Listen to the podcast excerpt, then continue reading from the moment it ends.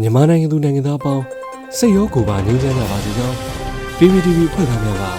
ဆုတောင်းမေတ္တာပို့သလိုက်ရပါတယ်။အခုချိန်ကစပြီးတိုင်းသားညီနောင်အင်အားစုတွေ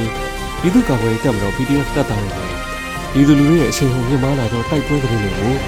စုစည်းတင်ဆက်ပေးသွားတော့မှာဖြစ်ပါတယ်။ကျွန်တော်ຫນွေဦးလင်းပါပထမဦးစွာရွှေဘူတွင် စစ်တပ်ထောက်ဖို့စစ်ရင်တန်းများကို PDF မဟာမိတ်များကမိုင်းဆွဲတိုက်ခိုက်မှုစစ်သား2ဦးသေဆုံးတဲ့တဲ့ရင်ကို တင်ဆက်ပါမယ်။စကိုင်းတိုင်းရွှေဘူမန္တလေးလမ်းတွင်တွာလာနေသည့်စစ်တပ်ထောက်ဖို့စစ်ရင်တန်းကိုမဟာမိတ် PDF များကမိုင်းဆွဲတိုက်ခိုက်ခဲ့ပြီးစစ်ကောင်စီဘက်မှစစ်သား2ဦးသေဆုံးကြောင်းရွှေဘူ Defense ကို SPDF အဖွဲ့ကသတင်းထုတ်ပြန်ပါတယ်။အကောင်းပါရဲ့လား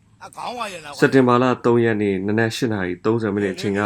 စကိုင်းတိုင်းဘက်မှရွှေဘူဘက်သို့တွာလာနေသောစစ်တပ်ထောက်ပို့ရင်တန်းကိုရွှေဘူမြို့တောင်ဘက်ပုံပွဲကျွေးရာနီးတွင်မိုင်းဆွဲတိုက်ခိုက်ခံရခြင်းဖြစ်ကြောင်းအဆိုပါရင်တန်းကိုမဟာမိတ် PDF များကပရိသာမိုင်း10လုံးဖြင့်မိုင်းဆွဲတိုက်ခိုက်ခဲ့ကြောင်း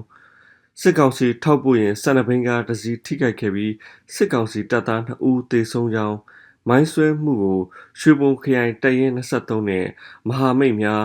ရွှေဘို Defense Force SPDF မြန်မာ Defense Force MDF ရွှေဘို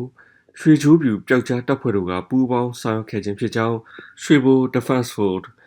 SPDF အဖွဲ့ကတရားဝင်သတင်းထုတ်ပြန်ပါတယ်။စပီမကွေးတိုင်းအင်မေကြီးရွာနီစစ်ကောင်စီတပ်ဖွဲ့များတိုက်ခိုက်ခံရတဲ့တဲ့တင်ကိုဆက်လက်တင်ဆက်ပါမယ်။မကွေးတိုင်းပခုတ်ကူမြို့နယ် အင်ပင်ကျွော်၌တပ်ဆွဲထားသောအကြမ်းဖက်စစ်တပ်သည်ရွာမြောက်ဘက်သို့စက်တင်ဘာလ၄ရက်နေ့ယမနေ့ညပိုင်းတွင်ကင်းပုံထွက်လာစဉ် RDF ပခုတ်ကူကပြစ်ခတ်တိုက်ခိုက်ရာစစ်သားတအုပ်သေဆုံးကြောင်းသတင်းရရှိပါသည်။အင်ပင်ကျွော်ရှိစစ်ကောင်စီတပ်ဖွဲ့သည်ည9နာရီခန့်တွင်ကင်းပုံထွက်လာစဉ် Riot Defense Force PKU ကချောင်းမြောင်းပစ်ခတ်ခဲ့ခြင်းဖြစ်ပြီးစစ်သားတအုပ်သေဆုံးကကြံစစ်သားများမှာအင်ပင်ကျွော်အတွင်းသို့ပြန်လည်ထွက်ပြေးသွားကြောင်း RDF ကသတင်းထုတ်ပြန်ပါတယ်။အကြမ်းဖက်စစ်တပ်ဘက်မှလက်နက်ကြီးလက်နက်ငယ်များဖြင့်ပြန်လည်ပစ်ခတ်ခဲ့တော်လဲ RDF တပ်ဖွဲ့များအထိကိမရှိဆုတ်ခွာနိုင်ခဲ့ကြောင်းသိရှိရပါတယ်။မုံရွာဘက်သို့ထွက်လာသောစစ်ကောင်စီရင်နှန်းကိုဒေသကာကွယ်တပ်ဖွဲ့များကမိုင်းဆွဲတိုက်ခိုက်ခဲ့တဲ့တဲ့ရင်ကိုဆက်လက်တင်ဆက်မှာပါ။စက်တဘာလ2ရက်နေ့ညနေပိုင်းတွင် စကိုင်းမြို့နယ်ဘက်မှမုံရွာဘက်သို့ထွက်လာသောစစ်ကောင်စီရင်နှန်းကိုဒေသကာကွယ်တပ်များကမိုင်းဆွဲတိုက်ခိုက်ခဲ့ကြောင်း PDF တောင်တာကသတင်းထုတ်ပြန်ပါတယ်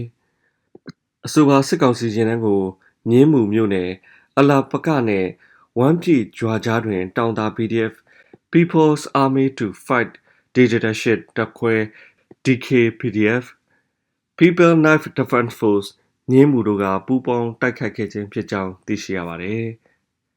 နောက်ဆုံးတွင်လည်းပုတ်ပြင်းမြို့နယ်တွင်နှစ်ရက်ဆက်တိုက်တိုက်ပွဲဖြစ်ပွားပြီးစစ်သား၄ဦးသေဆုံးလက်နက်နှစ်လက်သိမ်းဆည်းရမိတဲ့တဲ့ရင်ကိုတင်ဆက်မှာပါ။တရင်သာရီတိုင်းပုတ်ပြင်းမြို့နယ်အတွင်းစက်တင်ဘာလ3ရက်နေ့နဲ့4ရက်နေ့တွင်အကြမ်းဖက်စစ်တပ်နှင့်ဒေသခံကာကွယ်ရေးတပ်ဖွဲ့များတိုက်ပွဲဖြစ်ပွားပြီးစစ်သား၄ဦးသေဆုံးကတနက်နှစ်လက်သိမ်းဆည်းရမိခဲ့ကြောင်းငကားစစ်သည်တနင်္သာရီအဖွဲ့ထံမှသိရှိရပါသည်